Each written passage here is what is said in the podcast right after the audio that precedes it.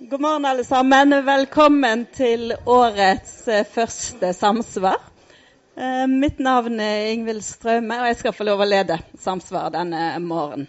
Og Temaet for eh, Samsvar i dag det er foreldreskap i etniske og religiøse minoriteter. Lik praksis, ulike verdier. Og Noen av de spørsmålene som vi kommer til å stille i løpet av seminaret, er bl.a. hva slags foreldre de prøver å være hva slags ideal tar de med seg fra sin oppvekst, og hva ønsker de å endre? Og hvilke bekymringer preger hverdagen deres? Og hvordan påvirker disse bekymringene familiens sosiale nettverk og bosted? Og hvilke erfaringer har disse familiene med det offentlige tjenestetilbudet og hjelpeapparatet? Og vi vil nå først få høre Ingrid Smette og Monica Grønli Rossen. De står klare allerede her. Og de vil presentere funn fra forskningen sin. Og deretter så har vi invitert eh, tre eksterne deltakere som vil kommentere eh, innleggene. Og til slutt så har vi en panelsamtale der det også vil bli åpnet for spørsmål fra salen. Men da må jeg bare gjøre oppmerksom på at eh, Samsvar i dag det blir streama, og det blir lagt ut på nett-TV. Så dersom det tar inn innlegg fra salen, så er det også klar over da, at det blir lagt ut. Og hvis det er noen som tvitrer her, så bruk hashtag samsvar. Da er vi klare. Vær så god, Ingrid. Hei. Eh, velkommen. Tusen takk for at dere kom. Eh, hvordan blir oss de foreldrene oss blir? Det tror jeg er et spørsmål som de fleste foreldre kanskje stiller seg en gang imellom det er ikke et lett spørsmål å svare på, fordi det er så mange forhold som spiller inn. Det kommer an på hvordan barnet, hvordan forholdet mellom foreldrene, hva slags liv og jobb vi har utenfor familien. Hvis vi tenker på hva slags foreldre vi ønsker å være, så kommer vi fort inn på hvordan vi sjøl ble oppdratt, hva vi ønsker å videreføre, og hva vi helst skulle sett at vi greide å bryte med. Og Forventningene andre har til oss som foreldre, spiller òg inn. Og ordet foreldreskap, et begrep som har sklidd inn i det norske hverdagsspråket, sikta nettopp til de sosiale og kulturelle forventningene som er knytta til personer som har barn. I vår presentasjon skal vi prate litt om hvordan foreldre som befinner seg i en minoritetsposisjon, utformer sitt foreldreskap i skjæringspunktet mellom egne erfaringer og av og til motstridende forventninger fra andre. Jeg skal først prate om hvordan foreldrene opplever endring i foreldreidealer, og hva slags konsekvenser det får for forholdet mellom foreldre og barn. Og så skal Monica prate mer om samfunnskonteksten for foreldreskap etterpå. Jeg skal bare helt kort si litt om, eh, om eh, studien og materialet. Studien er oppført, eh, utført på oppdrag til Barne-, ungdoms- og familiedirektoratet, Bufdir. Og de ønsker mer kunnskap om mangfoldet av foreldrepraksiser i Norge for å utvikle gode tjenester for familier. Studien vår bygger på intervju med 32 foreldre, 26 mødre og 5 fedre, og alle er barn over 10 år. Vi rekrutterte informanter gjennom ulike kanaler, bl.a. gjennom å spre annonser i sosiale medier. Og Utvalget vårt inkluderer folk i ulike typer minoritetsposisjoner. Det er flyktninger som har kommet til Norge som barn og som voksne. Det er andre generasjons nordmenn, nyankomne arbeidsinnvandrere og majoritetsnorske medlemmer av kristne trossamfunn utenfor Den norske kirke. Og Gjennom å prate med foreldre som er minoritet på ulike måter, så har vi ønska å utforske likheter og forskjeller mellom foreldres erfaringer på tvers av etnisitet og religiøs tilhørighet. Eh, og utover det, Hva er det som kjennetegner foreldrene i vårt materiale? Og jeg tror at dette her, Sitatet peker litt på noe av det som de foreldrene har til felles. For det første så er alle med et par unntak i arbeid. Flere har høyere utdanning enten fra heimlandet eller de har oppnådd det i Norge. Men det gjelder altså ikke alle. Og som dette sitatet viser, flere av dem vi intervjua, var opptatt av å nyansere bilder av minoriteter som en kan få gjennom media og offentlig debatt. Jeg tenkte at jeg må få være med. Jeg vil fortelle deg om, om mitt liv. Eh, og det første funnet jeg vil løfte fram fra studien vår, det er at foreldrene prater om, det, prater om seg sjøl eh, på en måte som ligner på det som forskninga kaller et involvert foreldreskap. Det betyr bl.a. en utvidet praktisk omsorg og for større barn. Og En far som oppvokste i Norge med foreldre født i Pakistan, han beskrev endringa godt på den måten. her. Vi fikk jo veldig mye omsorg og kjærlighet når vi vokste opp også, men det er det her at du får klare deg selv. Skal du på trening, så må du komme deg dit selv. Spiller ingen rolle hvor det er kamper. Hvis ikke far kan kjøre, må du finne noen å sitte på med. Det var sånn, ikke alt tilrettelagt for barna. Men jeg tror ikke du trenger å spørre en etnisk minoritet for å høre om den forandringen, for den tror jeg du finner hvor som helst. Og der tror jeg han har et veldig godt poeng, og jeg har tatt med dette sitatet nettopp for å understreke at mange av de endringene som foreldrene i vårt materiale beskriver, det gjelder ikke bare i minoritetsbefolkninga, det gjelder òg eh, i majoritetsbefolkninga. Vi kjenner det fra andre studier også har gjort av foreldreskap. Og Foreldrene er jo opptatt av et annet kjennetegn ved måten de er foreldre på, nemlig det her å være veldig oppmerksomme på, på barnas følelser til hver tid. Og dette framhever foreldrene nå som en forskjell fra generasjonen før. Foreldrene kan f.eks. For fortelle at deres egne foreldre ikke visste så mye om hvordan de hadde det, men at de sjøl alltid merka på ungene sine hvis det har skjedd noe spesielt, f.eks. om de har krangla med venner. Og det kan jo godt hende at foreldregenerasjonen, altså disse her foreldrenes foreldre, har visst mer om hvordan de hadde det som barn, enn det foreldrene tror. Men det de sier, peker på at det å se og forstå barns følelser både er en sterk forventning i samfunnet og et sterkt ønske i dagens foreldregenerasjon. Så involvering og følelsesmessig nærhet det blir enormt for godt foreldreskap. Og Samtidig er det òg et foreldreskap som kan være ressurskrevende, både materielt og følelsesmessig. I vårt materiale har vi også eksempel på foreldre som, altså, som har oppsøkt å møte hjelpeapparatet med sjøltillit når de ser på seg sjøl som gode foreldre ut fra de her idealene. Og om dette gjør det enklere for de foreldrene å få hjelp, det kan vi komme tilbake til i diskusjon. Men en del av foreldrene i vårt materiale har òg med seg erfaringer som ikke er så vanlige, og som har sammenheng med migrasjon. Jeg skal gi kort to eksempel, men presisere at ikke alle i materialet vårt har like, hatt like store utfordringer i barndommen som disse to. Historiene er kanskje særlig typiske for foreldre som også har intervjua, som kom til Norge som barn eller ungdom i flyktningfamilier. Ei mor kom til Norge fra Somalia som barn, og hun fortalte om sin oppvekst i en mindre by i Norge. Der var to av søsknene raskt en del av et miljø med jevnaldrende. Hun fortalte at foreldrene ble bekymra for at de mista kontrollen over ungene når de kom så raskt inn i det norske miljøet. Ettersom hun ble eldre, fikk hun derfor lov til stadig færre ting. Mora fortalte at det, vans det vanskeligste var at hun ikke følte at foreldrene stolte på henne, til tross for at hun mente at hun oppførte seg veldig bra. Hun beskriver at hun til slutt følte seg så sperra av foreldrene at hun ikke orka bo hjemme lenger. Hun tok kontakt med barnevernet og flyttet ut fra hjemme en periode. Hun kom etter hvert tilbake til familien, men hun mente at det hun gjorde, bidro til at de yngre søsknene etter hvert fikk det litt friere. Hun er i dag mor til to barn. Hva slags foreldre ønska hun å være? En far hos intervjua kom til Norge fra Vietnam som barn. Han forteller at overgangen til et nytt liv i Norge var stor for hans foreldre. Faren hadde slått barna som et ledd i oppdragelsen da de bodde i Vietnam, og han fortsatte med det i Norge, for han mente at det var det beste for ungene. I søskenflokken var det uenighet om hva de skulle gjøre for å få han til å slutte. Men søsknene ønska å anmelde faren, ønska den mannen oss intervjua, ikke å gjøre det. Han var den eldste av ungene og mente at anmeldelse ville føre til at konflikter eskalerte, og til at faren kom i fengsel, og at mor ble lei seg. Som storebror var han opptatt at han ikke skulle bidra til å splitte familien. Han ville heller være brubygger mellom foreldrene og de yngre søsknene, som ikke forsto hverandres verden. I dag er denne mannen far til to tenåringsbarn. Hva får hans erfaringer å si for hvordan han ønsker å være som far? Disse to eksemplene illustrerer at mange minoritetsforeldre har med seg en dobbelt referanseramme inn i sitt eget foreldreskap. På den ene sida foreldrene sine idealer fra heimland eller menighetsliv, og på den andre sida sine egne erfaringer fra skole og vennskap med jevnaldrende i storsamfunnet. Og en del av de foreldrene også har intervjua, har som disse her to opplevd at de idealene kan være i konflikt. Så hva skjer når disse ungene sjøl blir foreldre? Og Noen av de få studiene som finnes i Norge på dette, viser at det skjer en rekke endringer. Og det ser oss òg i vår studie. Eh, tydelig funn er at de foreldrene som har opplevd vold i barndommen, de ønsker ikke å videreføre dette i sitt foreldreskap. De ser etter nye måter å utøve foreldreautoritet og grensesetting på. Sitatet her er fra faren jeg nettopp refererte til. Det er sånn oppdragelsen er i Vietnam, og han fortsetter sånn i Norge. Så det var ikke sånn vi ville oppdra våre barn. Min far var veldig streng, men det var ikke noe Jeg følte det var ikke noe sånn, ikke den riktige måten å oppdra barn på, å bruke vold som straff. Et annet funn som jeg vil framheve, er at mange foreldre prater om nye måter å vise foreldrekjærlighet på. Men at det kan òg være vanskelig. En mor som kom fra Somalia som barn, fortalte om en oppvekst der hun ble slått av slektninger og mor. Hun fortalte at hun ønska å gjøre alt motsatt da hun sjøl ble omsorgsperson. Men det er ikke bare lett. Jeg sliter jo fortsatt med det enda. Og datteren min er jo veldig irritert på meg for at det ikke kommer så naturlig at jeg skal klemme henne, eller noe sånt. Så jeg lærer jo enda.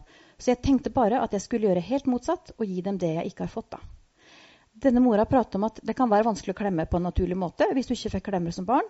Og andre forteller om det at det å prate om følelser med barn, både egne følelser og få barnet til å prate om sine følelser, kan være vanskelig hvis en sjøl ikke har erfaring med å gjøre det med sine egne foreldre.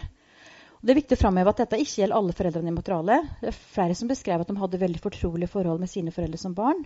Men det her fokuset på å prate om følelser på bestemte måter, det er noe som vi kjenner som på en måte et nytt trekk ved dagens foreldreskap og i forskning på foreldre i majoriteten, og fra andre land. Eh, Men så det er jo andre ting som kan gjøre at det kan være litt vanskelig å, liksom skape en ny foreldrepraksis over natta.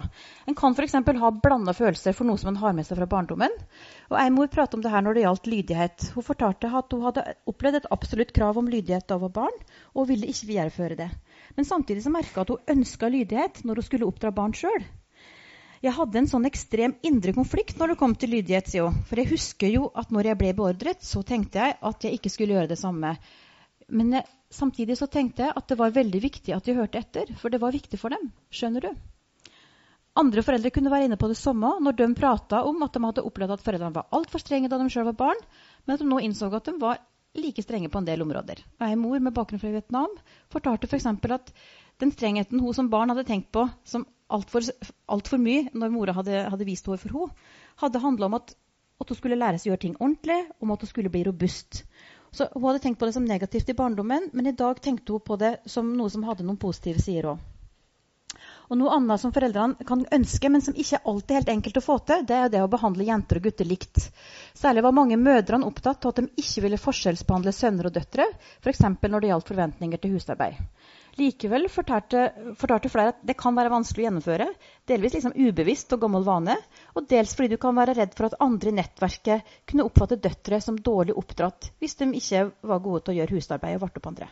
Og Monica kommer litt nærmere inn på det her med forventninger fra andre. Så oppsummert, hva viser analysen vår?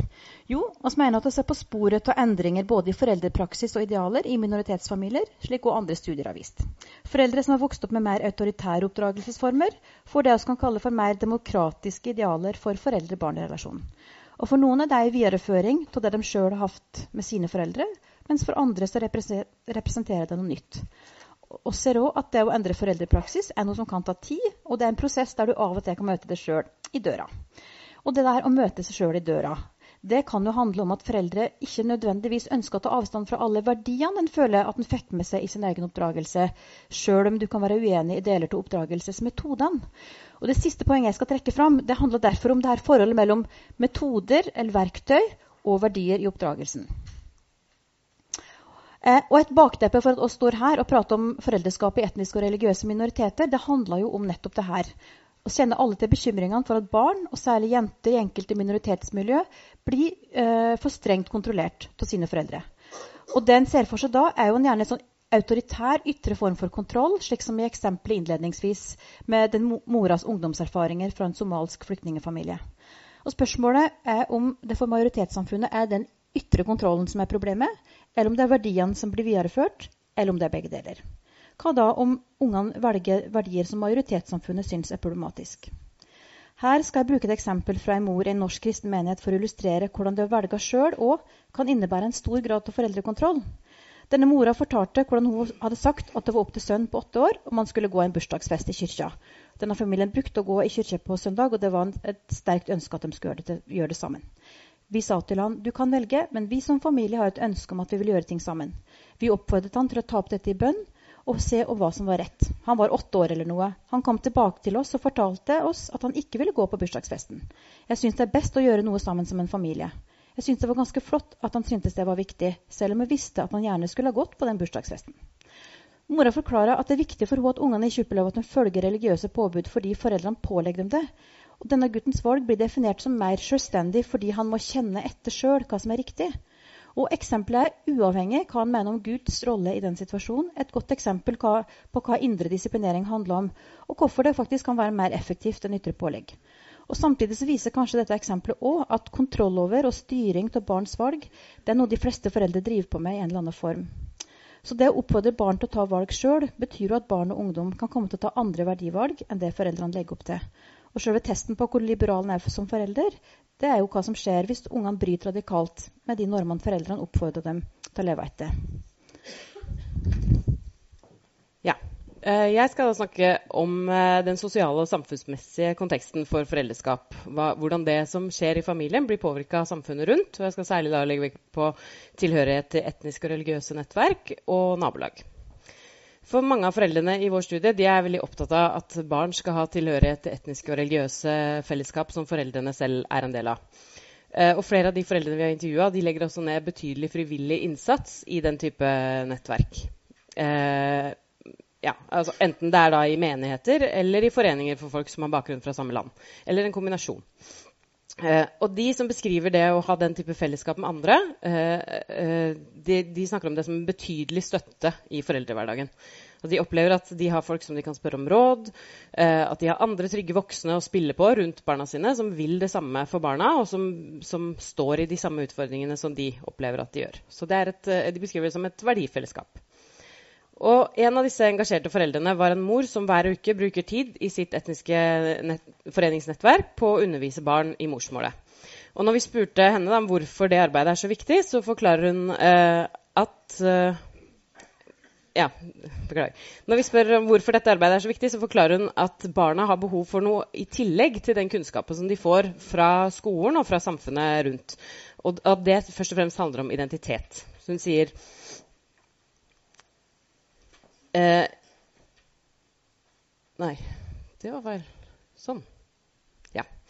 Eh, det er vår tradisjon og vår kultur, ikke sant? så det er veldig viktig at man har en egen identitet. Så ja, selv om de bor og ble født og oppvokst i Norge, så er de ikke opprinnelig fra Norge. Så de må ha en egen identitet. Og den identiteten er jo språket en del av. Og bokstaver og religion og forskjellig kultur. Så det frivillige arbeidet som de legger ned i foreningen, forteller hun, det er altså for at barna skal bli trygge og harmoniske voksne. og At de skal vokse opp, og at de skal være stolte av hvem de er.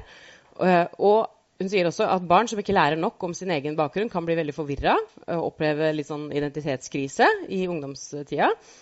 Uh, og andre foreldre vi intervjua, kobla altså den typen identitetsarbeid mer direkte til utfordringen med å stå i minoritetsposisjon. og Det skal jeg komme tilbake til etterpå. Men flere av foreldrene som fortalte at de som familie tilbringer mye tid i menigheten eller i etniske foreninger, de var opptatt av hvor viktig det er å finne en god balanse mellom minoritetsfellesskapet og storsamfunnet. Så mange snakka om at slike nettverk noen ganger kan bli litt tette, og at det ikke alltid er til barnas beste. En mor fra et av de baltiske landene for eksempel, beklaga seg i intervjuet over at hennes familie etter mange år i Norge har veldig eh, lite nettverk blant majoritetsnordmenn. Og det er sånn det blir, sa hun, når alle fester og foreninger og alt sosialt organiseres i forlengelsen av kirka og Den nasjonale foreningen. Du får noe verdifullt, og så mister du noe annet. En majoritetsnorsk mor med tilhørighet i et kristent trossamfunn, som fra utsiden kan oppfattes som ganske lukka, eh, var veldig opptatt av at hennes barn eh, skulle gå i offentlig skole istedenfor kristen privatskole, sånn at de på den måten blir mer forberedt på det storsamfunnet som de også skal være en del av. Eh, og hun sa ja, barna har alltid gått i vanlig skole, og det syns jeg er viktig. At de får lov til å være en del av samfunnet. Og det å være sammen med klassevenner, og komme i bursdager Det her er altså ikke den samme moren som i det eksempelet som uh, Ingrid brukte i sted. Uh, ja, det å få uh, være sammen med klassevenner, komme i bursdager, og ja, det syns jeg skal være litt sånn fritt og godt. Og at selv om du tror på Jesus, så er det ikke dermed sagt at du ikke skal leke med de som kanskje ikke tror på Jesus. liksom. Man er jo en del av samfunnet. Man må lære seg det. Samtidig så ser uh, den moren at det er ikke så enkelt å legge til rette for aktiviteter og vennskap for barna utenfor menigheten. Fordi at barna selv ofte foretrekker den tryggheten de opplever innenfor. Så Hun beskriver f.eks. hvordan barna hennes i en periode da spilte fotball på det lokale idrettslaget. Uh, men at miljøet der gjorde dem utrygge. At de var ikke vant til at foreldre sto liksom og hoia på siden og kanskje banna og sånn. Det, det, det, ble de litt utrygge av. Det, og da foretrakk de å trene på menighetens fotballag. Og da syntes hun det var litt vanskelig som mor. Skal jeg pushe dem nå, eller skal jeg ikke? Ja, så Disse eksemplene på hvordan menigheter og etniske foreninger bidrar til trygghet i barna, barnas og foreldrenes hverdag, det har jo da selvfølgelig foreldrenes perspektiv, fordi dette er en studie om foreldreskap. Det er foreldrene vi har snakka med, vi har ikke snakka med barna. Og så er det også sannsynlig at barna endrer, eh, endrer perspektiv på de tinga i løpet av oppveksten etter, etter hvert som de blir større. For så forteller en kristenmor med afrikansk bakgrunn om hvordan hun har slitt med å få med seg barna i kirka etter hvert som de blir større. Men at det verdifellesskapet i frikirkemiljøet det representerer likevel for henne en trygghet når tenåringssønnen hennes nå begynner å utvide radiusen sin. De bor sentralt i Oslo. Eh, Ja, for et, Ettersom familien da har mange venner og slektninger i forskjellige eh, frikirker i Oslo-området, så er guttene ofte sammen med da jevnaldrende som deltar i eh, ungdomsaktiviteter i kristen regi. Og, og, moren sier om det at jeg tror den største bekymringa for min del eh, i hvert fall, er å ha disse barna drivende på gata. da. For det ser man jo fort hvis man er i byen, i sentrum, spesielt på en fredagskveld. Det er skummelt. Og da er det greit for meg å vite at ok, nå er, det, nå er de Og så nevner hun da en stor uh, frikirke med ungdomsprofil. Eller nå er de Og så nevner hun uh, frikirke som en, en god venninne uh, bruker å gå i. Og da vet hun at det er ordna forhold. Så så lenge hun vet at sønnene er sammen med noen med tilknytning til en av menighetene, så kan hun føle seg trygg på at de blir tatt vare på, og at de ikke henger med feil folk og roter seg bort til ting som ungdommer ofte gjør. Ja. Beklager, nå glemte jeg jo Jeg har jo glemt dette. Unnskyld.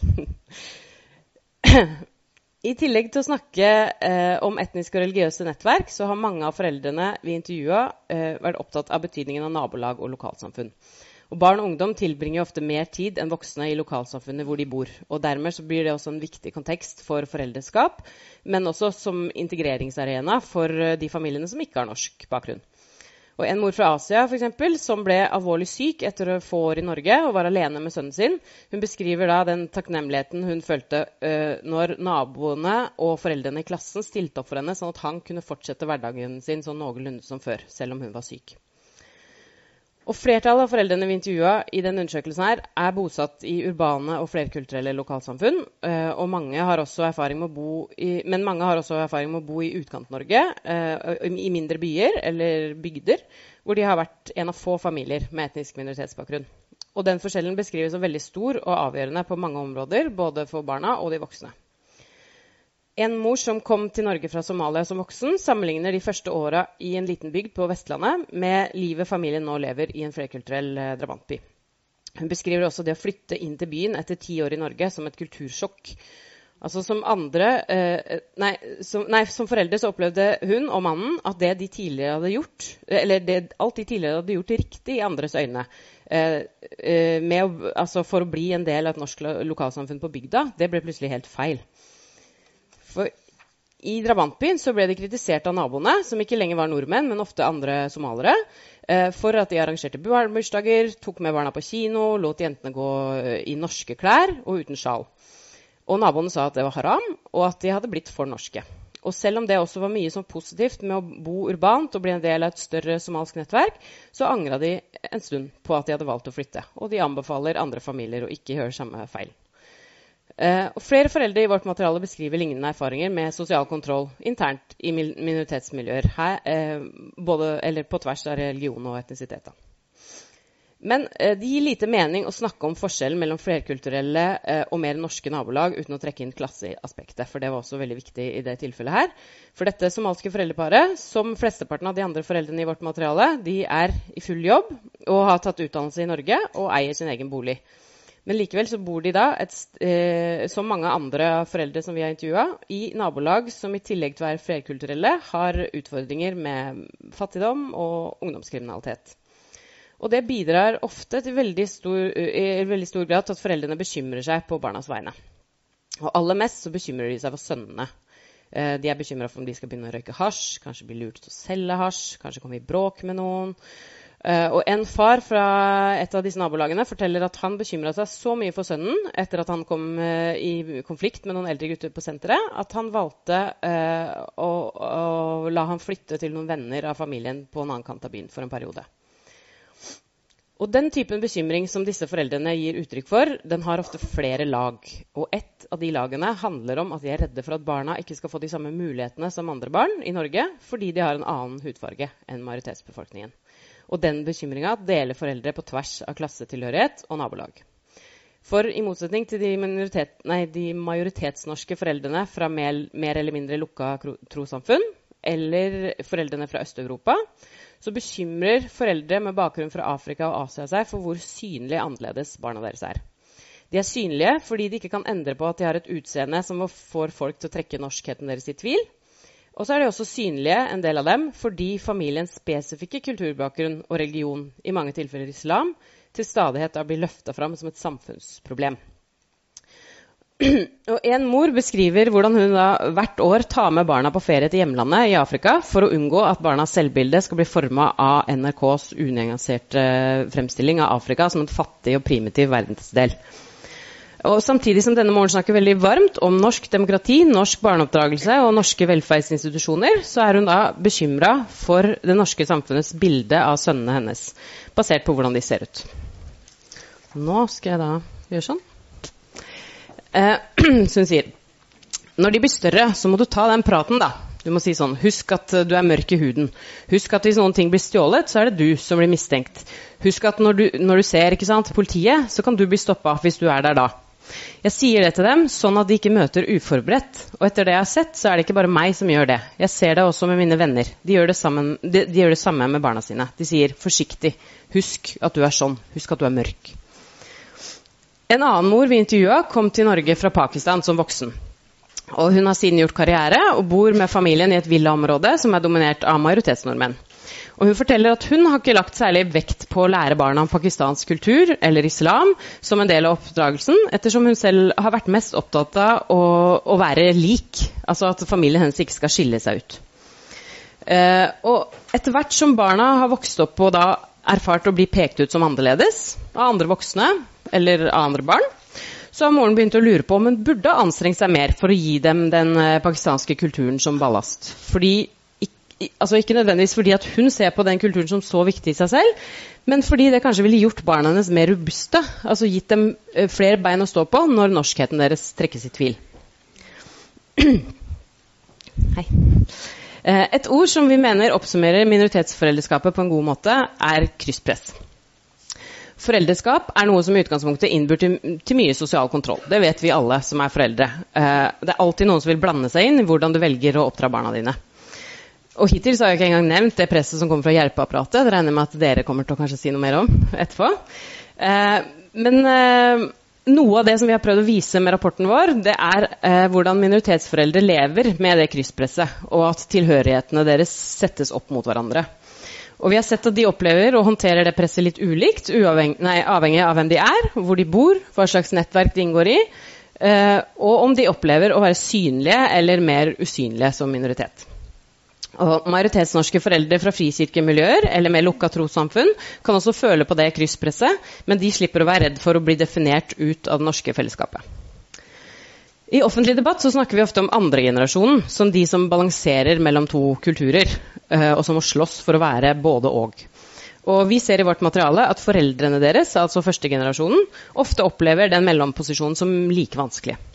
Og det er viktig å huske på f.eks. når vi debatterer og setter inn tiltak mot negativ sosial kontroll i minoritetsmiljøer. Fordi minoritetsposisjonen kan sette foreldre under så sterkt press at de blir enten kanskje helt handlingslamma, eller at de gjør ting mot barna sine som de ikke ville gjort under andre omstendigheter. Eh, men det samme presset kan også bidra til å gjøre folk klokere og mer reflekterte når det gjelder hva det vil si å være en god forelder i det samfunnet vi lever i. Og I rapporten vår har vi satt fokus på foreldrenes refleksjoner rundt foreldreskap som noe som dels kommer fra det arbeidet de gjør med å bli en annen type forelder enn eh, det deres foreldre var, sånn som Ingrid snakka om. Og dels så kommer, uh, kommer, det fra det å hele tiden være utsatt for de andres blikk. Å være iakttatt som foreldre, sånn jf. tittelen vår. Og vi tror at minoritetsforeldre på den måten har potensial til å være en betydelig ressurs, ikke bare for hverandre, men for samfunnet som helhet og for den offentlige samtalen om foreldreskap. Takk.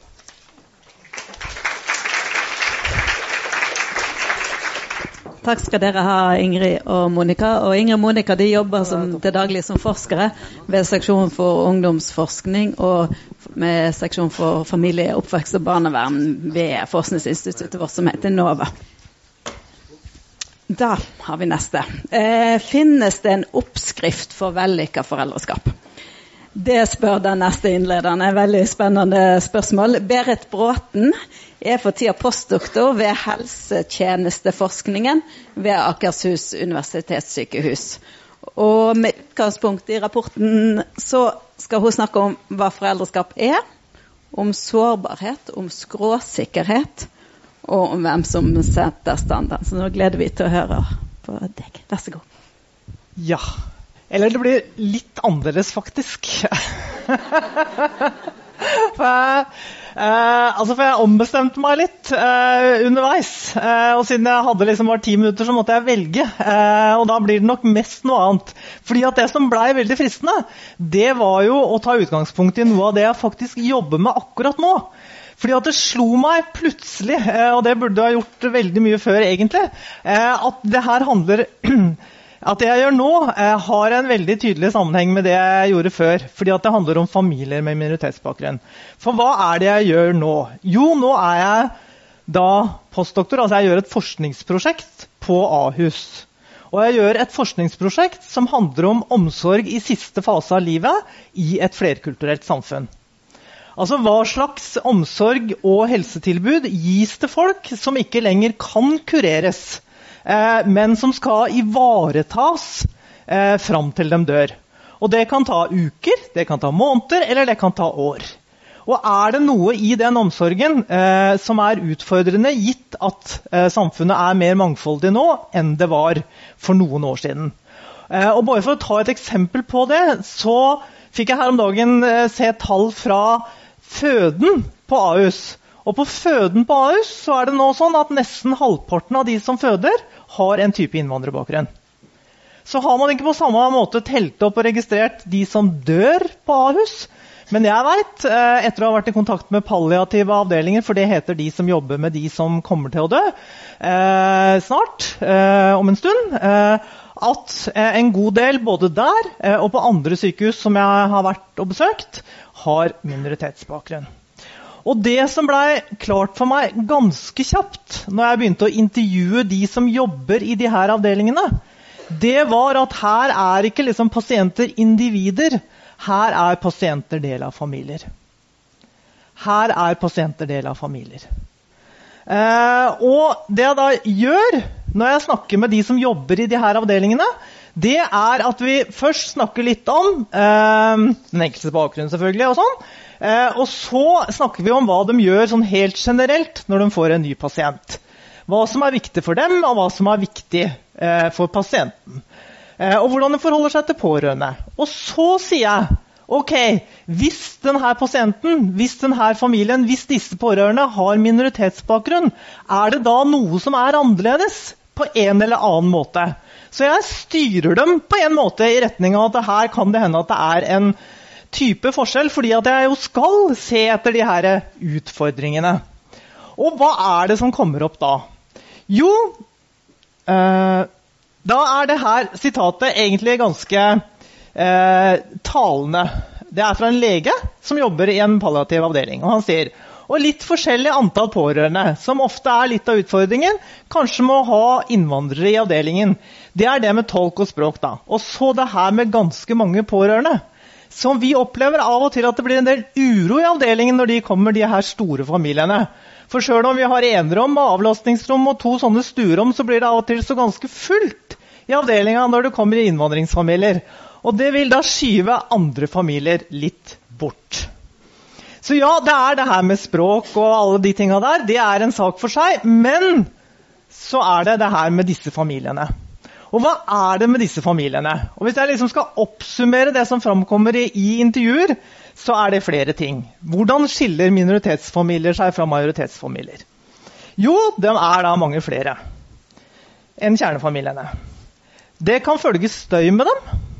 Både fordi at de er mange i antall, men òg fordi at en del av dem sørger sånn at det høres. Det gjør ikke majoritetskjernefamilien. Enkelte familier er det vanskelig å kommunisere med, og da handler det om språk, men da handler det òg om en hel rekke andre ting som jeg kunne brukt en time på å snakke om. det skal jeg ikke gjøre nå. Så er det det her med at de vil gjerne ta hånd om pasienten sjøl. Eh, enten ved å være til stede i sykehuset eh, 24-7 hele døgnet, eller ved å ta den med hjem. Fordi om sykehuset kanskje ikke syns at det er helt tilrådelig. Så er det det her med det definerte familieoverhodet. Som helsepersonalet kan ha eh, ekstreme utfordringer med å finne ut av hvem egentlig er. Og så går det kanskje opp for dem etter tre måneder hvem det var. Eh, eh, og at det er ganske viktig. Hvem det familieoverhodet er. Og hva den personen mener. Og de er transnasjonale, en del av de her familiene. Og det familieoverhodet kan godt sitte på den andre siden av jordkloden. Og så er det det her med Og jeg er litt usikker på det begrepet jeg har brukt her. men det her med at de er beslutningsmaskiner på pasientens vegne. Og her er vi midt inne i sosial kontroll-land, tenker jeg. For det, det, her handler om logikk eh, i en familie, og det her handler om eh, logikker som det norske majoritetsbaserte helsepersonalet kan oppfatte at utfordrer den enkelte persons autonomi. Altså vil si at Familien fatter beslutninger på pasientens vegne.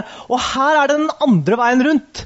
Her er det ikke foreldrene ofte som fatter beslutninger på barnas vegne, fordi om det kan være det òg. Her er det ofte barna som fatter beslutninger på foreldres vegne. Eh, og hvordan går det da med autonomien til foreldrene? Det er helsepersonellet bekymra for. Ikke sant? Hvordan, hvordan, har det seg? Hvordan er det f.eks. når en familie mener at den som skal dø, ikke skal vite at vedkommende skal dø? Hvordan skal helsepersonellet forholde seg til det? Man har fattet en beslutning om at det bør ikke pasienten vite. Og den familien har fatta den beslutningen og er skråsikre på at det er det beste for pasienten. Det mener ikke det norske majoritetsbaserte helsepersonellet. De mener at eh, her er pasienten i sentrum, her er det den som skal bestemme. Og så er det da her, det her med de fremmede beslutningene. Ikke nok med eh, altså de, at de eh, fatter andre beslutninger. Da. Ok, det er familiære forskjellslogikker, har jeg kalt det. da. Eh, og erfaringer eh, av forskjell det er knytta til hvordan de her familiene fungerer, her, herunder hvordan man er foreldre. Eh, hvordan foreldre forholder seg til barn, og hvordan barna forholder seg til foreldrene sine. Eh, og det her er logikker, familiære logikker som helsepersonellet, som ofte da i disse sykehusene jeg har vært i, er majoritetsbaserte, ikke kjenner seg igjen i, og som de heller ikke har en profesjonell praksis som gjør det helt umiddelbart lett eh, å håndtere det. De har ikke lært det profesjonelt heller. Og Da er jo spørsmålet hvordan håndterer majoriteten det, og hvordan håndterer minoriteter det her. Eh, og rapporten den gir eh, den rapporten deres gir en, et godt innblikk i hvordan foreldre håndterer det her majoritetsbaserte utenfrablikket og praksisene og krysspresset de står i. Og Så skal jeg bruke mine siste ti eh, minutter til å si litt om de tilnærmingene som brukes inne i tjenesten. Og den tjenesten jeg da ser på, det er sykehuset. Eh, fordi at når man skal være foreldre, og når man skal fungere som en familie, da er det sånn eh, at man gjør det i en kontekst, og i den konteksten så møter man òg eh, aktører som er, tilhører velferdsstaten på ulike nivåer. Sykehusa, barnehagene, skolene. Og de aktørene er med på å forme det foreldreskapet, den måten å være familie på.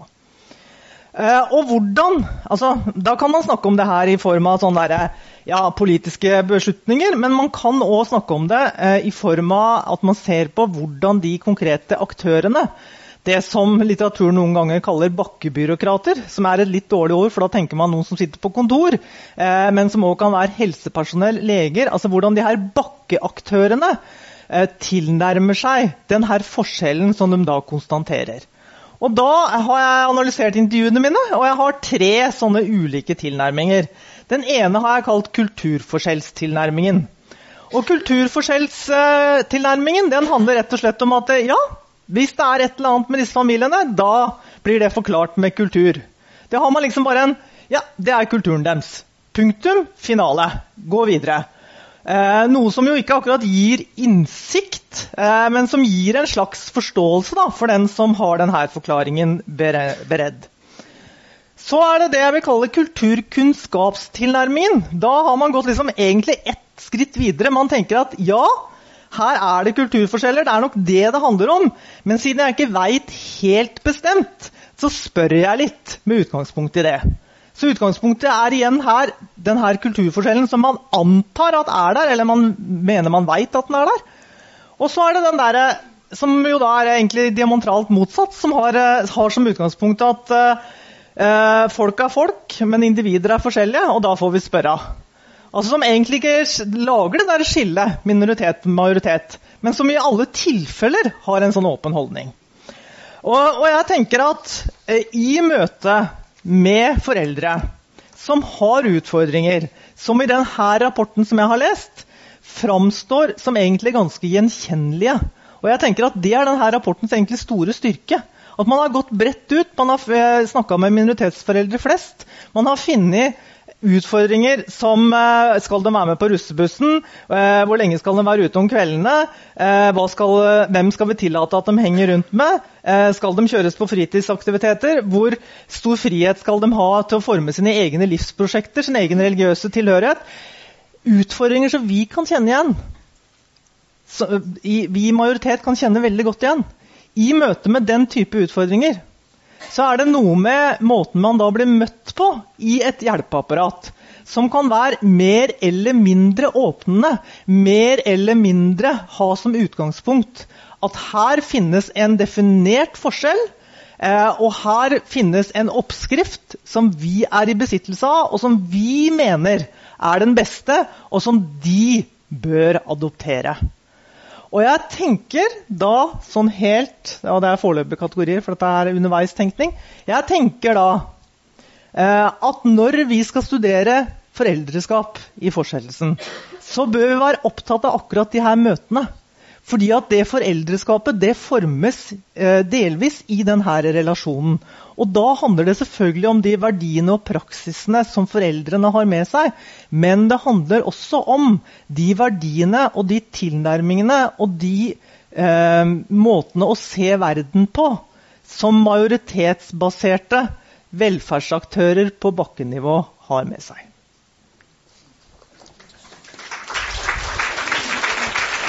Takk, eh, takk, skal du ha, Berit Bråten. Det er veldig spennende å høre fra din forskning så langt også. Navigasjon i et ukjent terreng. Hva vil det si å oppdra barn i et nytt samfunn og en ny kultur? Det er overskriften som Leol Mekonen har satt for det neste innlegget. Og han er studieleder ved RBUP øst og sør, dvs. Si regionsenter for barn og unges psykiske helse.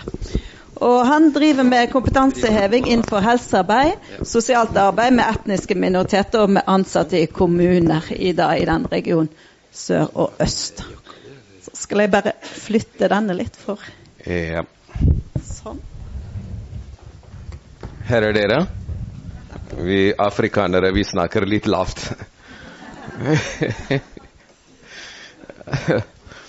ja, så Som dere ser der, så jeg har uh, valgt navigasjon i et ukjent terreng for å snakke om uh, foreldreskap i et nytt samfunn. Bare for noen uker siden jeg kjørte til uh, en, en ukjent sted litt utenfor Halden. Da, så det var i Sverige-grensen. Så jeg visste ikke at den GPS-en som ligger i bilen, er bare for Norge. Så da jeg bare kom og stikka unna fra den norske grensa, så denne dama hun begynte å si Recalculating, recalculating. Du må, du må snu deg etter 500 meter. Du må recalculating. Og mens hun roper sånn, så kona mi ringte. Så kona mi hun hørte på denne damen som sier 'recalculating'. Så hvem er hun, sa Så jeg sa nei, det er en dame som er bare give a ride. Ja. You know. Så, så foreldreskap for mange av oss med innvandrerbakgrunn, det virker sånn. Å komme til en ukjent terreng. Og egentlig for mange også, de har ikke ingen person som sier 'recalculating'. Når man gjør feil, eller når man går i en feil retning, så kanskje så sannsynligheten for å kollidere er så høy. Fordi hvem er det som sier rekalkulering? Og barnevernstjenesten, så det er altfor seint. Ja. Så det er grunnen også at jeg brukte dette bildet for å, for å belyse hvordan det er å være far eller mor eller å, utøve din foreldreskapet i i et nytt land og i et nytt samfunn. Eh, så jeg er uh, fra Etiopia. Så uh, jeg kom fra et bibelsk land. Jødisk, kristen, muslim, alle som bor sammen. Et religiøst land. Så jeg har også en familie. Men, men de andre to er fjernslekt. Ja. Så egentlig dette bildet Jeg, bruk, jeg bruker det som et kultursensitivt eh, verktøy når jeg snakker om foreldreskap med innvandrere. Fordi rett etter jeg var ferdig med sosionomutdanningen her, så jeg bestemte. Hvis det var altfor vanskelig for mange norske studenter å skrive oppgave om barnevern, om barnevernloven og ordlydene som ligger i alle disse store begrepene, så hvor vanskelig blir det for innvandrere å forstå innholdet i barnevernloven, f.eks.? Så jeg gikk bort til forskjellige innvandrergrupper, så jeg begynte å snakke om Eh, barneoppdragelse knyttet til det de, norske samfunnet og de norske regler og sånn. Så det var mange som sa Hei, hvorfor er du her? Vi er lei oss med alle disse 20-åringer som sitter og bestemmer over familiens skjebne på barnevern. Så nå de sender også en ung mann. Det er vi som har ti barn, åtte barn, eldre enn deg, som måtte snakke om foreldreskap. Ja. Så, så, jeg ble møtt med en sterk sant, bemerkning fra voksne da jeg prøvde å snakke om hvordan det er å oppdra barn i et lite land. Så senere jeg fikk barn, så jeg begynte å bruke dette. Bare før jeg snakker om foreldreskap, så jeg bare sier jeg har to barn og, og så fjern slekt. Så, så, alle begynner å høre på. Ok, nå Lul vet, Lul kjenner hva han snakker om. Så det er en kultursensitiv middel. Hvor mange av dere har vært veiledere for eh, minoriteter som sliter med foreldreskap. Og hvis dere ikke kunne vise på en eller annen måte at dere også kjenner hva det er, så egentlig troverdigheten er ikke der. Hvorfor jeg tror på deg? Hvorfor jeg stoler på hva du sier om barneoppdragelse i Norge? Ja. Så, men, men den, den, profesjonelle kulturen det tillater ikke at vi bruker sånne typer kulturelle midler. Eller den åpenhet å være litt privat innimellom. Ja. Så eksempel i fjor jeg har hatt 16 dialogseminarer med ulike innvandrergrupper, og jeg har reist i minst ti forskjellige kommuner. Bare for å snakke om hva synes dere om dette, hva synes dere om oppdragervold, hva synes dere om vold i, i familien, eller sånn, som er så vanlig. Og i mange av oss som kommer fra utviklingsland, vi har ikke sånne type uh, ikke sant, tjenester som barnevern, familievern og, og sånn. Så det er ikke sant, til en viss grad en, det er en, en, en, vanlig utfordring som finnes der, og mine her også. Uh, så et av de arenaene hvor jeg snakker om foreldreskap og barneoppdragelse, er f.eks. kirke, som dere sa.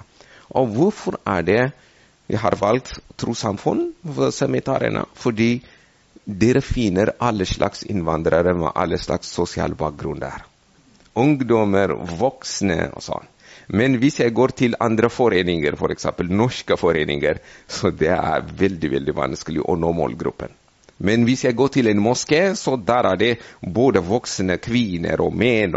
Så, så, det er veldig lett å nå med budskapet om foreldreskap og barneoppdragelse. Ja. Så jeg har gått gjennom alle disse forskningsspørsmålene om idealene, om uh, hvilke erfaringer foreldrene har, og verdig overføring, og hvilke erfaringer Men det er en ting som jeg vil si.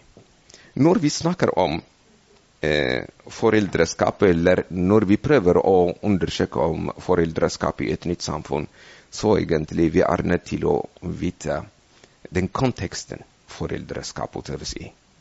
Hvor mange av dere synes at eh, Det var en gang jeg sa til statsråden hvis vi måtte flytte til eh, Kina og den kinesiske regjeringen eller myndighetene kommer med en retningslinje. Hva er det som er en god, en god barneoppdragelse i kinesisk kontekst og i kinesisk samfunn? Vil du bare følge den blindt bare fordi majoriteten eller de som har myndighet og makt, kommer med en retningslinje, så er det bare lo. Det var, det var mye latter. Så av og til ikke sant, vi snakker på med denne tonen. ikke sant, Vi er majoritet, vi vet hva som er best, hva som er godt egnet barneoppdragelse. Da må du svelge det. Vil vi gjøre det, egentlig? Så har, det er et metafor som jeg, jeg, bruker ofte for å belyse. Hvis jeg vil forstå foreldreskap, så vil jeg forstå akkurat uh, de, disse fiskene som ligger her. Jeg hadde en venn som har gjort en banebrytende studie om fisker. Så han har studert den iboende egenskap med, med fisker. Det var nesten 18 år siden. Så endelig han kom med en konklusjon som avviser alle tidligere forskning som har skrevet om det iboende egenskapen med ulike fiskeartene. Han mener at hvis vi ønsker å få tak i den iboende egenskap hos fiskene, vi må gå til den opprinnelige havet og undersøke hvordan det er i sitt opprinnelige havet. Vi kan ikke trekke konklusjonen ut fra den atferd som de viser i den akvariet. Fordi akvariet kan man aldri sammenligne med det opprinnelige havet. Så egentlig mange av oss, som meg, jeg, jeg, nå bor jeg i det norske akvariet. Så i det norske akvariet, lysmengden er annerledes, eh, mineralene som finnes i vannet er annerledes. Så til og med hele konteksten er der. Uansett hvor, hvor mye vi strever for å få havets temperatur og havets miljø, så det kan aldri bli likt. Yes. Så migrasjon og eksilrelaterte kriser. Vi kan aldri forstå foreldreskap uten å forstå hvordan migrasjon og eksil og tilpasningsstress hvordan det påvirker, og i hvor stor grad hvert enkelt individ overvinner disse, den immigrasjonsstress. Og det har mye å si. ikke bare, Men det er en, en kjempestor vektlegging på Eh, hva heter det? sosioøkonomisk status og barneoppdragelse eller foreldreskap. Ikke nødvendigvis. I hvor stor grad jeg mestrer livet i eksil i Norge, har mye å si. I tillegg til den sosialklassen jeg har, enten i Norge eller i hjemlandet. Tilpasning og mestring. Akkulturasjon.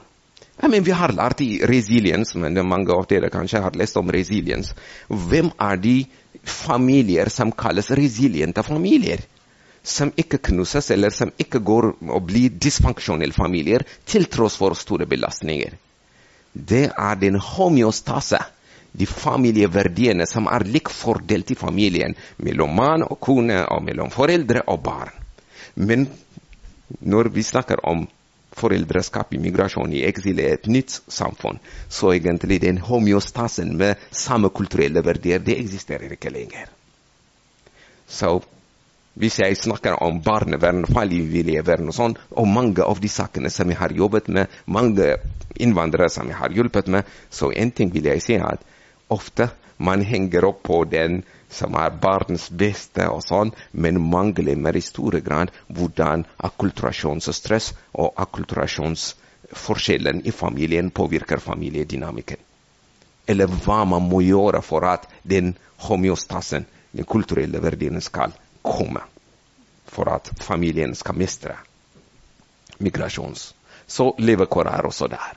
Så Eh, tiden er eh, over. Jeg kan ikke si så mye, men jeg vil at dere bare husker på foreldreskap i et nytt kontekst.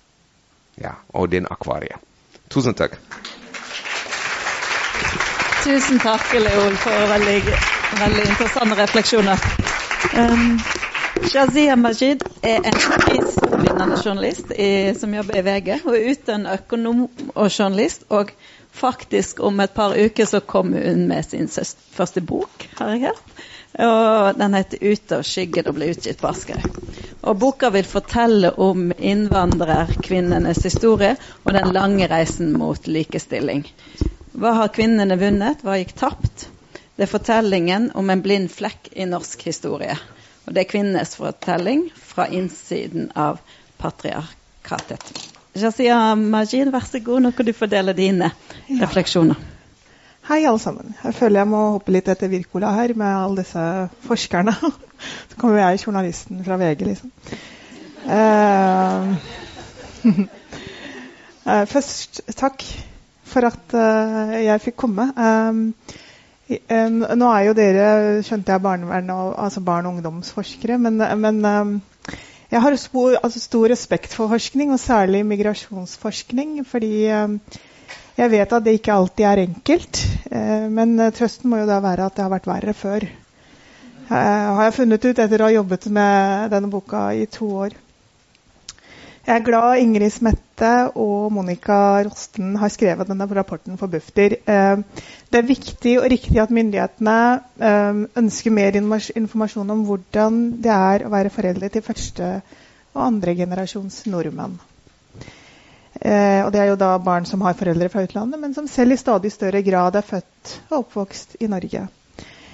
Jeg er første generasjons nordmann. Jeg er født og oppvokst i Oslo. Um, og jeg er så opptatt i, denne konteksten av foreldregenerasjonen, og særlig mødre, um, at jeg har skrevet en bok om det uh, nå.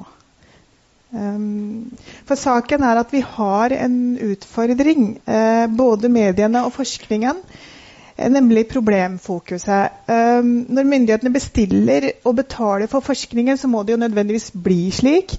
Eh, og, eh, fordi at de vil ha svar på et eller annet problem som har oppstått, og ønsker å gjøre noe med det. Og I dette tilfellet så er det minoritetsforeldre. Og for medienes del så er jo vårt mandat uh, å skrive om konflikter i samfunnet, avdekke maktovergrep og den type ting. Og, da, uh, og når det er sånn, så er det noe som går tapt på veien. Uh, og det er det jeg skriver om i, i boka mi, 'Den store blinde flekken' i, i, norsk historie. Nemlig de første innvandrerkvinnene som kom til Norge fra utviklingsland. Og hvorfor er de så viktige i dag, snart 50 år etter? Og det er av åpenbare grunner, selvsagt. At uh, her har vi å gjøre med en stor gruppe individer som ble bortgjemt og glemt eh, som om de ikke eksisterte. Når jeg begynte å jobbe med eh, boka mi, så eh, hadde jeg mammas historie. Eh, selvfølgelig kunne den utenat. Eh, um, og tenkte at sånn var det vel for de aller fleste kvinnene. Og så tenkte jeg at nå skal jeg eh, gå i biblioteket og finne noen bøker og så skrive en fortelling.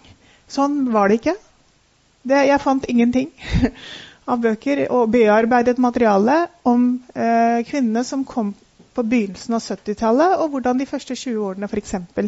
hadde vært for dem. Og Det var en øyeåpner for meg, og som egentlig vred hele prosjektet mitt inn mot særlig denne gruppen. Og, og det mest påfallende er hvor, hvor, lite man visste om dem eh, de første 10-15 årene. Liksom de formende årene. De får barn, de skal, eh, de skal oppdra disse, disse barna skal begynne på skolen. Eh, og de lever under forhold eh, For det første så visste man ikke engang hvor mange de var eh, i Norge. Eh, I flere år visste man ikke eh, hvor mange. Og, men mennene visste man selvfølgelig alt om, for de ble jo fotfulgt eh, av mediene. Og, og um, Nå skal jeg ikke sitere meg sjøl. jeg er litt usikker på eksakt Jeg tror det var Um, over 80 forskningsprosjekt um, en gang på 80-tallet, og tre av dem var eksplisitt om kvinner. Altså Det var så enorm forskjell. Men kvinnene er viktige også fordi at, og særlig fordi at de er våre mødre. Eh, de oppdro oss. De har spilt en avgjørende rolle i de menneskene vi er i dag. Um, den, den, kartleggingen jeg har gjort, har vært en, en vond reise, egentlig. Fordi jeg har, jeg har egentlig aldri forstått det enorme eh, tapet og den sorgen og den isolasjonen disse kvinnene har eh, vært utsatt for. for. for. tenk å gå fra en eh, kultur, eh, og det gjelder alle de fire gruppene jeg har sett på, pakistanere, indere, tyrkere og marokkanere, som, som jo kom på 70-tallet, så, så, eh, så, går de fra en kultur med sterk kvinnesolidaritet. Fordi at dette her var patriarkalske kulturer. Eh, hvor, hvor, mannen var familiens ubestridte overhode. Men det var jo ikke sånn at kvinnene var helt uten makt og helt prisgitt mennene og dette kollektivistiske, klanbaserte systemet. De hadde jo sin egen eh, system i systemet, og, de var helt avhengige av en sterk kvinnesolidaritet. Og så utøvet de makt gjennom familien, gjennom å danne seg allianser og, og, og, hadde en viss påvirkning. Og særlig i forbindelse med, med, med, barneoppdragelse, hvor det ikke var mamma som oppdro flokken sin, men at det var en flokk med kvinner som oppdro mange barn. Um, men så kommer de da til Norge, og så mister de alt dette. De, de, de har ikke språk, de har ikke tilhørighet, de har ikke kjennskap til de nye sosiale kodene. Uh, og, og, de blir egentlig uh, selv uh, sammenlignet med, med, deres posisjon i patria, et patriarkalsk samfunn, så blir de enda mer avhengige av et enkelt menneske, sin ektemann. De mestre, mister på en måte den makten de tross alt hadde. Eh, mamma var 22 år da hun kom til Norge. Eh, og da kom hun og, som en fremmedarbeider. Pappa hadde skaffa jobb til henne fordi at han ikke orket å vente på å, hele mølla med familiegjenforening. Hun kom i 1973, hadde aldri vært ute i arbeid. Eh, i i, i, sin, i, sin, by, Rawalpindi i Pakistan. Eh, aldri egentlig vært ute av huset. Ja, noe annet er enn en, en å handle og sånne ting. Og så kommer hun til Norge, og to uker etterpå så blir hun tvunget med på jobb. Eh, på Oslo Reiseeffektfabrikker, hvor hun sydde vesker. Um, og mamma og pappa hadde både to og tre jobber det ble en voldsom overgang for henne. Hun, hun jobbet eh, døgnet rundt. Hun fikk eh, eh, søstera mi også meg tett. Eh, og visste ikke at man kunne ta sykemelding. Visste ikke at hun kunne ta permisjon før fødsel. Sånn at jeg kom hun, hun, jobbet ved mm, Fellesmeieriene og løftet 25 kilos pakker av ost fra samlebåndet til et eller annet. Palle eller et eller annet. Så jeg, så jeg øh, Hun gikk i fødsel rett på Hun var på jobb, hun. Man måtte kjøres til. Så jeg kom seks uker for tidlig uh, den gang. Um, og det er klart at sånne ting um, påvirker en kvinne. Hvor hun kommer fra, hva hun kommer til, og hva hun tilegner seg av kunnskap om det nye samfunnet. Um, hun, hun, kunne ikke flytende norsk, men hun, hun, var faktisk en av unntakene, særlig for pakistanske kvinner. Veldig veldig få pakistanske kvinner jobbet. Én av ti. Uh, tilsvarende tall for de andre gruppene var mye mye høyere. Så de skilte seg ut. Uh, men hun kunne gjøre seg for, forstått på norsk. Men, men, men da jeg var liten, så var jeg flau av mammas norsk. Så jeg gjemte meg når hun kom på skolen og skulle snakke med læreren min. Det syntes jeg var flaut. Jeg var flau over at vi var fattige, at jeg ikke hadde de tingene alle andre ungene hadde.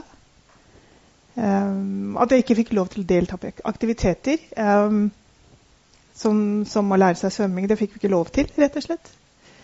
Uh, og, um, det, det, har jo på en måte vært et enormt savn. og jeg, Dette endret jeg på når jeg fylte 40 og lærte meg å svømme for egen maskin. Men når barn er flau av sine foreldre, så er det noe foreldre merker. Det er ikke noe fint sted å være for foreldrene. Og det eh, skjønte jeg selvfølgelig, selvfølgelig når jeg vokste opp, men særlig nå når jeg jobbet med denne boken, så oh, det, var, det, var, tyngende å, å se hvilken, hvilken, hvilken kamp de sto i hver dag, som vi som barn ikke så og ikke brydde oss om. Ikke hadde forutsetninger for å forstå. Og så når vok blir voksne, så ser de, de, voldsomme kreftene de kjempet mot, så er du litt flau at du var flau den gang. um, for, for, for, kvinner som kom og som mistet alt, så er, var dette med at barna på en måte distanserte seg litt og så litt ned på dem, det var enda en tap. Enda en sorg. Eh, mange mistet autoriteten på det eneste området de kunne ha autoritet, nemlig barneoppdragelse. Mange kunne ikke snakke med barna sine på det språket barna brukte til daglig. Og den gang da eh, så har jeg funnet ut at i starten av eh, arbeidsinnvandringen så, så var norske myndigheter veldig redd for fornorsking. At barna lærte seg norsk eller norske vaner. og sånt, For da ble det så stort gap mellom foreldrene. Og det måtte vi ikke ha, eh, fordi at man hadde eh, behandlingen av samer og kvener i bakhodet.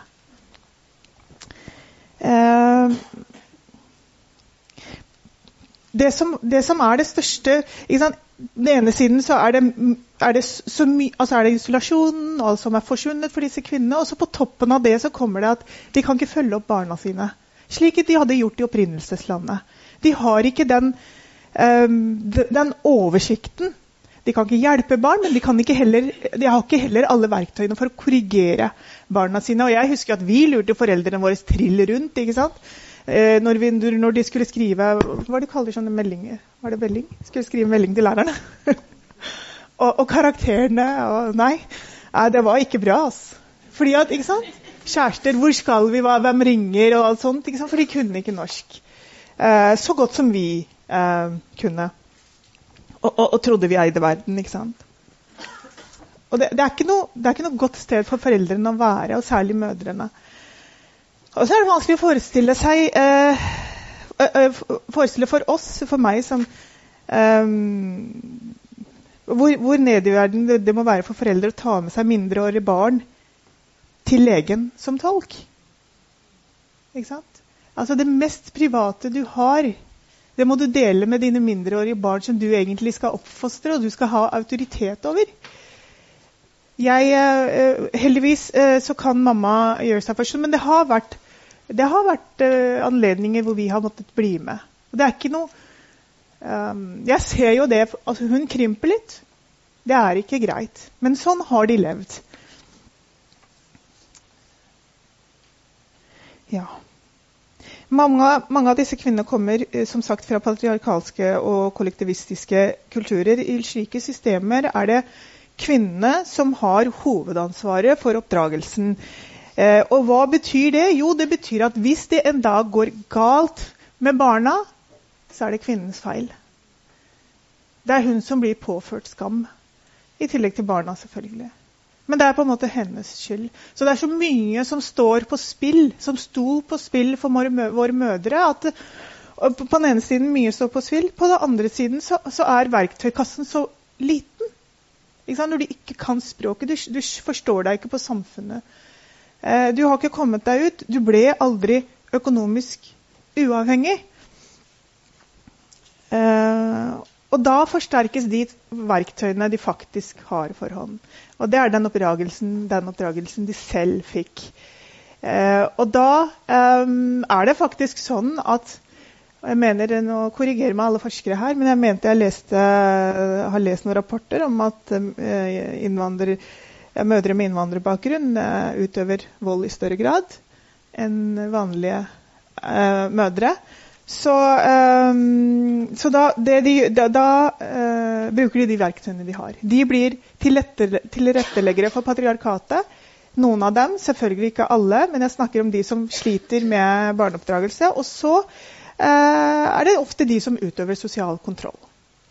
Så, så liksom, poenget er ønsker man god Um, oppvekstvilkår for første- og andregenerasjons nordmenn må man bry seg om, følge opp og hjelpe mødrene inn i det norske samfunnet. Forsterkes mødrene, tør jeg påstå at oppdragervold og sosial kontroll vil minske. Og bruker vi millionene på mødre i dag, trenger vi ikke å bruke millioner på um, tiltak mot tvangsekteskap, kjønnslemlestelse og sosial kontroll.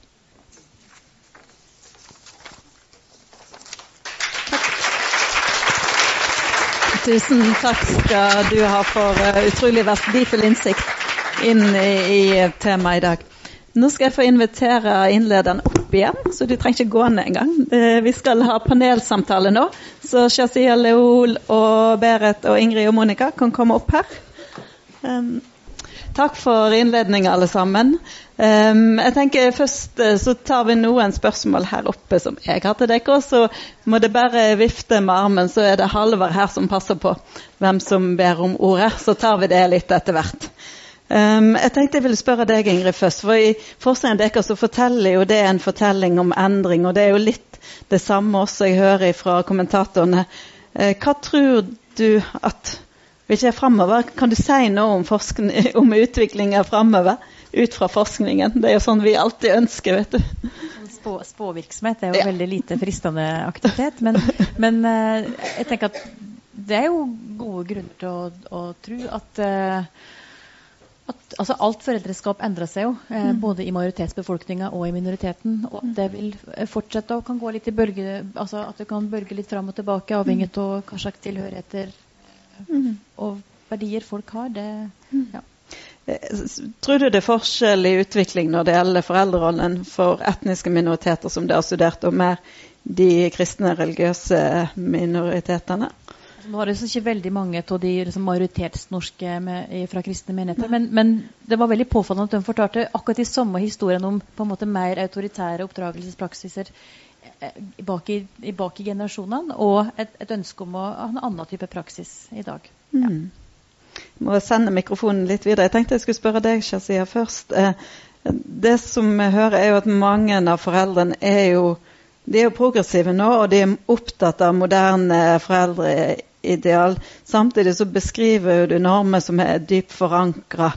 Eh, og hvor dypt er disse eh, forankra, f.eks. For når det gjelder kjønnsforskjeller på selvbestemmelse, seksualitet og rolle og frihet? Hvor dypt er disse i forhold til den, det ønsket om å være progressiv og moderne i foreldrerollen?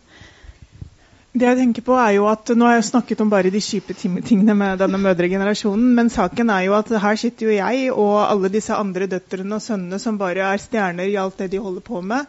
Og det har jo noe med at vi ser for snevert på kvinnene. De, altså Noen av dem har vært ofre, men, men, de er jo tenkende hele mennesker som, som vil barnets beste. og de de har, ikke, de har, vært i bakgrunnen og, og, drevet en stille revolusjon for, på vegne av døtrene sine. Så det, så, så det, er så et enormt stort potensial i disse foreldrene. Selv om jeg tror jo at eh, noen av de ideologiene og den derre eh, altså, som, altså de patriarkalske Jeg kaller jo det det, for jeg mener det er det det handler om. Eh, de, de, Patriarkatet er grenseoverskridende og umulig nesten å bli kvitt, eh, vet vi jo i dag.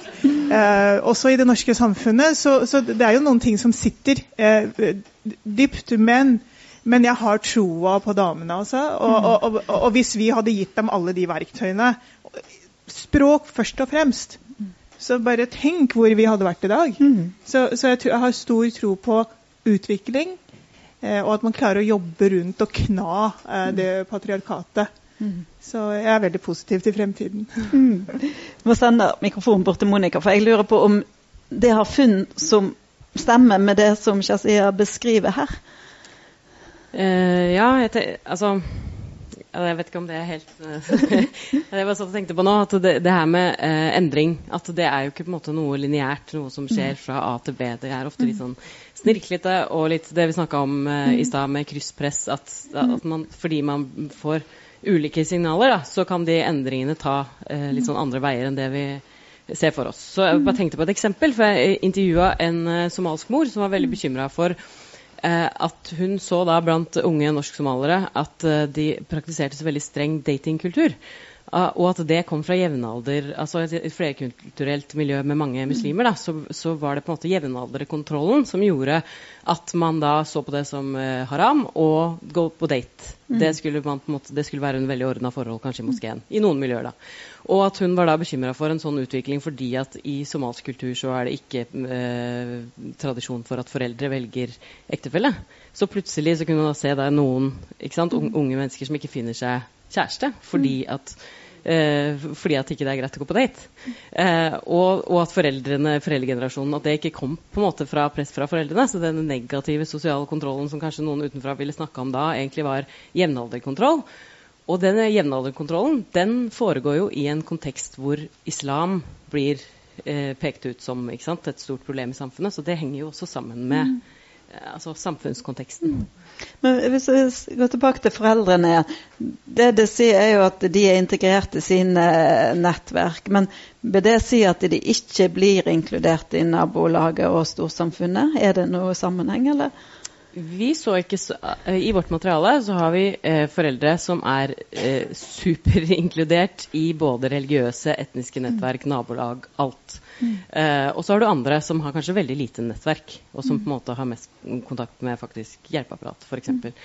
Sånn at vi så ikke noe sånn Det, er ikke noen, det behøver ikke være noen motsetning. Det kan være en mm. motsetning, men det behøver det overhodet ikke være. Jeg synes det var spennende det som du sa, Lior. eller for det, det, er viktig å få fram at det med eh, menigheter og, og, og, etniske nettverk, der når du jo Det går på tvers av klasse, f.eks., og på tvers av alder. Mm. Sånn at selv om det samler på noen områder, så er det også veldig Sånne mm. miljøer kan være veldig brede, da. Mm.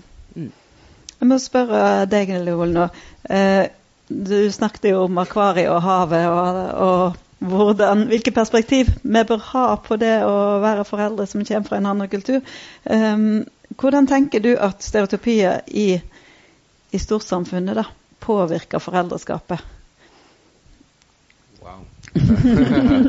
du får ett minutt til å svare på det. ja, ja, ja, Nei, nei det, påvirker, det, påvirker, på alle mulige måter. Jeg kan starte med, med mitt, f.eks. Jeg har to barn. De to barna som dere har sett, de er barn med autisme. Så vi vet hva, hvordan autisme kan påvirke atferd hos mm. barna. Men når jeg bruker offentlig transport, så autistiske barn reagerer på lyd, på sånn, mm. som folk automatisk sier hm, de som ikke har gått oppdratt barn. ikke sant? Mm. Fordi de vil sitte på et bestemt sted. De liker rutiner og sånn, så de mm. reagerer kraftig. Så med mm. en gang jeg ser ja, og jeg hører de negative bemerkningene, det tolkes ut fra barneoppdragelse. oppdragelse. Ikke godt oppdratt. Så det er, jeg tror det er et godt eksempel. Så det, det ligger i, nesten i alle institusjoner. Fordi mm. uh, fortsatt folk sier at jeg er åpen til forskjellige kulturer, sånn, men egentlig vi ser det er en kjempestor rigiditet mm. og essensialisme. Å tolke umiddelbart hver enkel atferd og utsagn ut fra kultur. Mm. Men det er kanskje det er et utslag av uvitenhet. Eh, folk som vegrer seg til å sende sine barn til eh, leirskole eller eh, til bursdagsfesten eller sånn, som kommer i kontakt med hjelpeapparatet. Jeg har hørt i, i mange uh, situasjoner at de er ikke de er altfor strenge. De har en streng og skadelig barne... Hva er den? barneoppdragelsespraksis og sånn. Mm. Men egentlig den enkelte er, det har ingenting å gjøre med kultur, men det er uvitenhet. De er helt usikre. Mm. De vet ikke hva de kan gjøre, eller hva de kan avgjøre, og hva som er best i den situasjonen. Mm. Fordi det eneste referanserammet som de har, er den gamle GPS-en de tok med seg fra hjemlandet. Ikke sant. Ja. jeg må spørre deg, kjenner, eh, kjenner, du deg igjen i de beskrivelsene som Ingrid og Monica snakker om, det krysspresset som foreldrene står i? Jeg har jo barn selv. Uh, de er jo andre generasjon nordmenn igjen. Det er to gutter, en på 21 og en på 16 år. Um, jeg, jeg, jeg, tror vi har, ja, vi har løst uh, koden, jeg, så jeg føler ikke noe sånn umiddelbar krysspress, uh, egentlig. Og bare Alle har jo barnets beste for øye, ikke sant? Og for meg så er det å gi dem den friheten de trenger til å ta så gode avgjørelser som mulig. Men um, foreldrene våre hadde en enorm og, og, barna, altså vi som er storesøstregenerasjonen, som jeg kaller det. Uh, det har vært vanskelig terreng for, for begge, for både for barna og eh, for foreldrene. og jeg må jo si det at uh, vi fikk, Jeg og storesøstera mi fikk ikke lov til å dra på leirskole og lære oss svømming, og alt det der, men de tre yngste fikk lov til alt. Mm. Så de lærte veldig fort. Mm. Uh, og det er jo det positive her. Det sier noe om at uh, Helt enig med deg, det handler veldig mye om uvitenhet. Man er redd. Pappa ville jo ikke at vi skulle ha musikk engang. Mm. Det, det, og det ordna seg heldigvis. Og gym. Mm. og jeg har jo hørt at det fortsatt er et problem. Det, det er at foreldrene vet ikke. Mm. Vet, derfor så trenger mødrene å lære seg språk. Ja. Jeg skal slippe til snart. Det er bare et spørsmål til deg, Berit. Fordi um, det er jo en kjernekritikk, kanskje spesielt med barnevern, men kanskje også offentlig helse og tjenester og offentlig støtteapparat eh, generelt, at normen for foreldreskap og familie er så smal og tar veldig utgangspunkt i det norske. Kjenner du deg igjen i det ut fra den forskningen du har gjort, og det du arbeider med? Uh, ja, definitivt. Og jeg tenker at en av de største utfordringene er at vi har en tendens til å eh, behandle majoritetsnormen som om det var én ting. Eh, sånn at eh, man, man, lager seg et bilde der eh, man har noen sånne majoritetsidealer egentlig, for hvordan ting skal være. Og de idealene setter man opp. Eh, og så for, eh, forlanger man nærmest i noen sammenhenger eh, at minoritetspraksiser skal matche de majoritetsidealene. Mm. mens vi jo veit at liksom i majoriteten så finnes det jo 70 80 forskjellige måter å gjøre det her på. Mer eller mindre vellykka. Og jeg tenker at det her med eksempel, altså, Du snakker om eh, ja, vi skal gi barna våre frihet til å gjøre sine egne valg. Men det er jo dritvanskelig. Og det er, altså, det er jo vanskelig for minoritet, og det er jo skikkelig vanskelig for majoritet. For, altså, hvis jeg bare har tid til et lite eksempel, bare, bare for å illustrere det. Det er noe med um, altså for, Fra mitt eget liv, uh, som ikke liksom er forskningsbasert, uh, men, men, som handler om at jeg kommer fra arbeiderklassen. Det har dere kanskje gjetta. Uh, og, men hadde en familie, eller altså særlig en mor, som var veldig opptatt av utdanning. Og, men med utdanning så tenkte hun ferdig videregående. Da var det på tide å få seg en jobb. Sant? Da suste jeg videre til universitetet. Eh, og så fikk jeg meg nå omsider en ordentlig jobb, som hun ville sagt. Eh, og så ringer jeg da en dag og sier at eh, nå har jeg fått et stipendiat. Nå skal jeg studere til doktorgrad. Og så hører jeg jo sukre i den andre enden. Skal du studere enda mer? Eh, og så skynder jeg meg å si at jo, men det er en betalt jobb. og da sier jeg åh, heldigvis. da er det greit, liksom. Og så, bare for å snu på det der, så har jeg en sønn som da har eh, tatt eh, bachelor, eh, tatt pedagogikk, skal gå videre på master. To dager før han skal begynne på en master, så ringer han til meg og sier at det, det blir ikke noe master. Det blir ikke noe master. Han eh, skal selge sko i stedet. Og jeg hører meg selv si Jeg hører meg selv si men hva med den masteren? Og så hører jeg en lang utledning om hvordan livet hans kommer til å bli uten den masteren. Sånn at det er noe med det der med å gi frihet til å ta egne valg. altså Det kan man tenke at ja, det skal man gjøre. Mm. Men i det øyeblikket det skjer noen valg der som ikke er helt i tråd med det du tenkte var best, mm. det er jo liksom da det er da det kicker inn, liksom det store Ja, hva gjør jeg nå? Ikke sant? Med eh, dette barnet. Mm. Ja. Mm. Da skal vi åpne salen. Det var spørsmål først her. Der, ja. Ja, nei... Eh bare ta knappen litt opp. Er den på? Hører dere meg? Ok, ja. Mitt navn er Une Nygård. Jeg kommer fra Bufdir. Og eh, vi i Bufdir, vi jobber jo Nei, det står ikke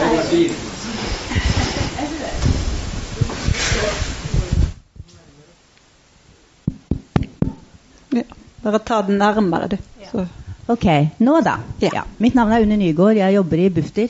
Og, og, vi jobber jo bl.a. med å gi råd og veiledning ut til befolkningen. Um, vi, bl.a. når det gjelder foreldrepraksis og oppdragelse. Og, og, og, det jeg ble litt opptatt av når jeg hørte på dere, eh, det er dette krysspresset, som jeg tror er veldig riktig beskrevet.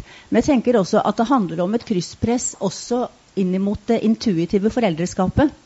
Og det er jo diskusjoner vi har hatt. ikke sant? Skal man gi råd på noe som i sin, liksom i sin, essens er intuitivt. Og da tenker jeg at det må være en særlig utfordring for disse familiene. At, at liksom ting er hva vi gir råd om, en annen ting er forventningene der ute i storsamfunnet om hvordan dette bør være, og hvordan det kan da stride mot det som faktisk intuitivt er der, og som man kjenner er bra for barna sine som foreldre. Jeg vet ikke, Har dere, har dere liksom gjort dere noen tanker om det krysspresset? Det, er jo et veldig godt spørs, altså et kjempegodt poeng og veldig vanskelig å, å svare på. Men tenker at hva er, intuis, altså, hva er det intuitive? Jeg, altså, jeg er litt usikker på fordi at det intuitive er jo ikke noe som ligger Jeg tror ikke det ligger altså, som en sånn morskapsessens som bare vet hva som er riktig. Jeg tror at det handler jo veldig mye om hva du ser andre gjør, og hva slags respons du får på det du gjør. Og liksom, Er det omtrent likt som andre? Reagerer andre negativt? Men at selvfølgelig at det, kan være det kan være mye mer komplisert. Og, og, liksom, og, så kan du tenke på at ja, nå gjør jeg intuitivt det som er riktig, for du skjønner at, at liksom, reaksjonene rundt er positive. Men at det kan være mer vanskelig å finne fram til der, det som føles riktig, hvis du står med veldig mange ulike idealer rundt det.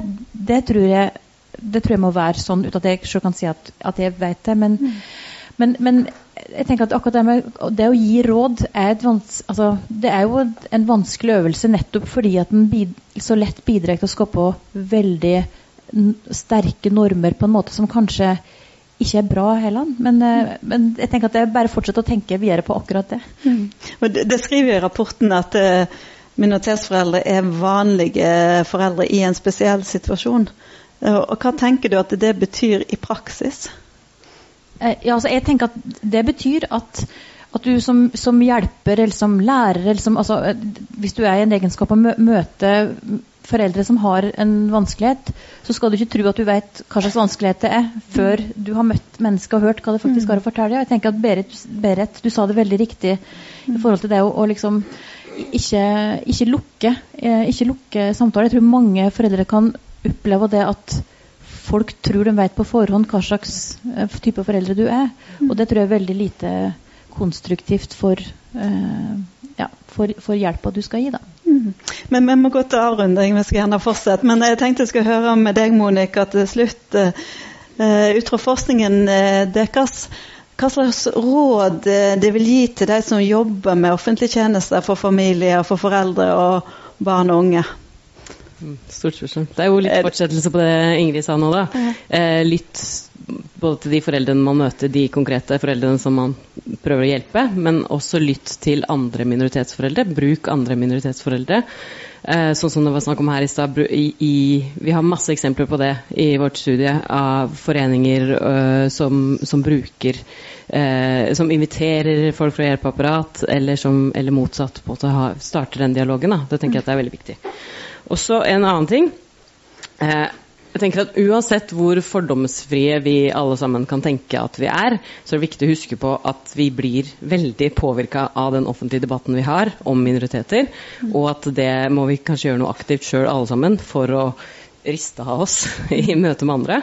Jeg vet ikke helt hvordan man gjør det, men at man i hvert fall må vite at uh, den påvirkninga er sterk, og den kanskje er økende, da, på, med, fordi Mm. Fordi debatten ser ut sånn som den gjør.